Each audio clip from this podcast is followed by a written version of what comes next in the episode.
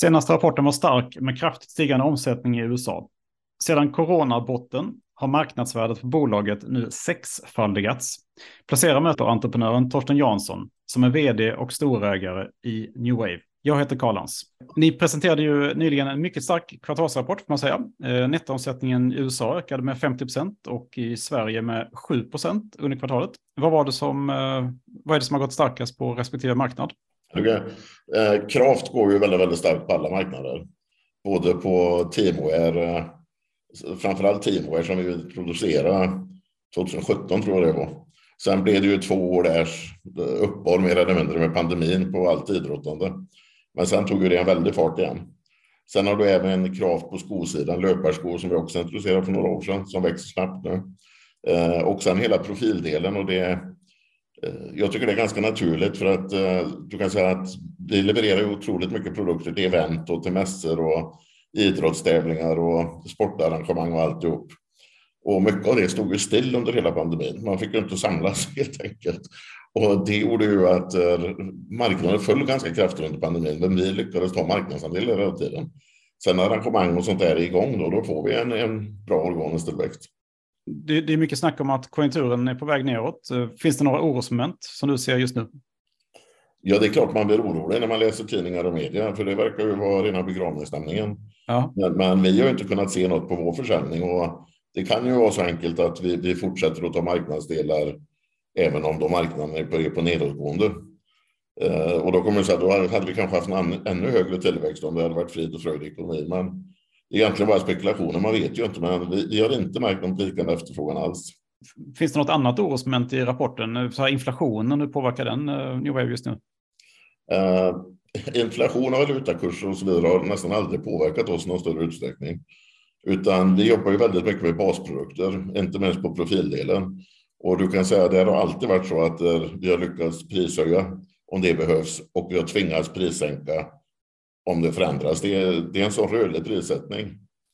Eh, så att det är inget som oroar mig jättemycket på något sätt. Det är det inte. Men glasbruket i Kosta då? Det har väl lite problem? Ja, det, det, går ju fortfarande med plus, men det är inga roliga energipriser.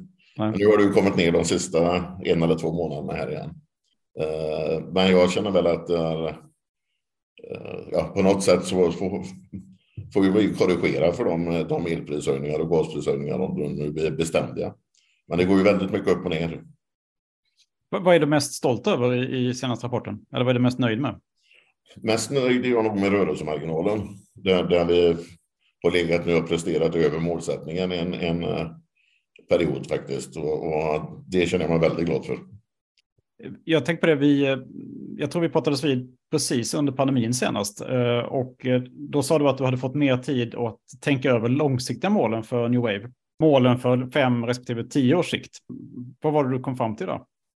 Nej, men vi vill ju bli ett betydligt större bolag än, än så här. Och vi är på löp, rullande helår nu så omsätter vi ungefär 8,3 miljarder. Och, och ett kort mål, höll jag på att säga, det är väl att nå, nå 10 då.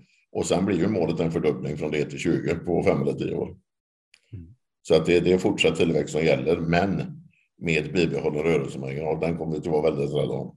Och det är framförallt Nordamerika då som är där tillväxten kommer ske? Nej, även, även eh, nu växte vi på alla marknader. Vi hade ju en ganska hög tillväxt även i Mellaneuropa och Sydeuropa. Eh, och Kraft har vi ambitionen att, att växa på samtliga marknader och det gör vi också. Sen klart, eh, lyckas man att bryta igenom ordentligt i USA så är det en sån ofantligt stor marknad. Även Kanada är ju jättefin tillväxt och, och Kanada passar ju oss väldigt bra. Det är 40 eh, miljoner människor i samma klimatzon med ungefär samma idrotter och alltihop. Så att det är också en marknad man absolut inte ska underskatta. Hur, eh, hur går hotellverksamheten i Kosta nu förresten? Ja, nu är det mer normalt igen. Ja, det är tillbaka. Att, ja, konfer konferenser har väl inte återhämta sig till 100 procent. Det, det, tror jag beror på, man, man kan bara se på New Wave. Jag menar, vi hade ju fyra fysiska styrelsemöten i samtliga dotterbolag innan pandemin. Vi har ju gått över till ett eller två fysiska och eh, ett, de andra två eller tre på Teams då. Och det är klart, det är väldigt mycket mindre flyg och hotell och konferensrum idag än vad det var innan pandemin. Så jag ska inte säga att privatmarknaden har återhämtat sig 100 procent. Eh, men, men däremot för konferensmarknaden finns en liten bit kvar. Så, så och, och, vad ser du här framåt närmsta halvåret nu då? Nej, det är väl bara till att hoppas att vi kan eh, Eh, fortsätta leverera en, en bra tillväxt med en bra rörelsemarginal och det kommer vi att kämpa för. Eh, sen hoppas jag ju att de värsta domsagorna om hur marknaden är inte blir infriade. Och eh, blir de det, det är klart, vi, skulle det bli riktigt dåliga tider då kommer inte vi att kunna ligga på 30-35 procents tillväxt. Men jag är ganska övertygad om att vi ska kunna växa oss igenom även en, en sämre ekonomi. Finns det någon annan, du har varit med väldigt länge, finns det något som liknar den här situationen som är just nu, som du har upplevt tidigare? Nej, det gör det väl egentligen inte på ett sätt eftersom kriget i Ukraina skuggar ju mycket och ett krig i Europa och jag lyckligtvis inte varit med mm.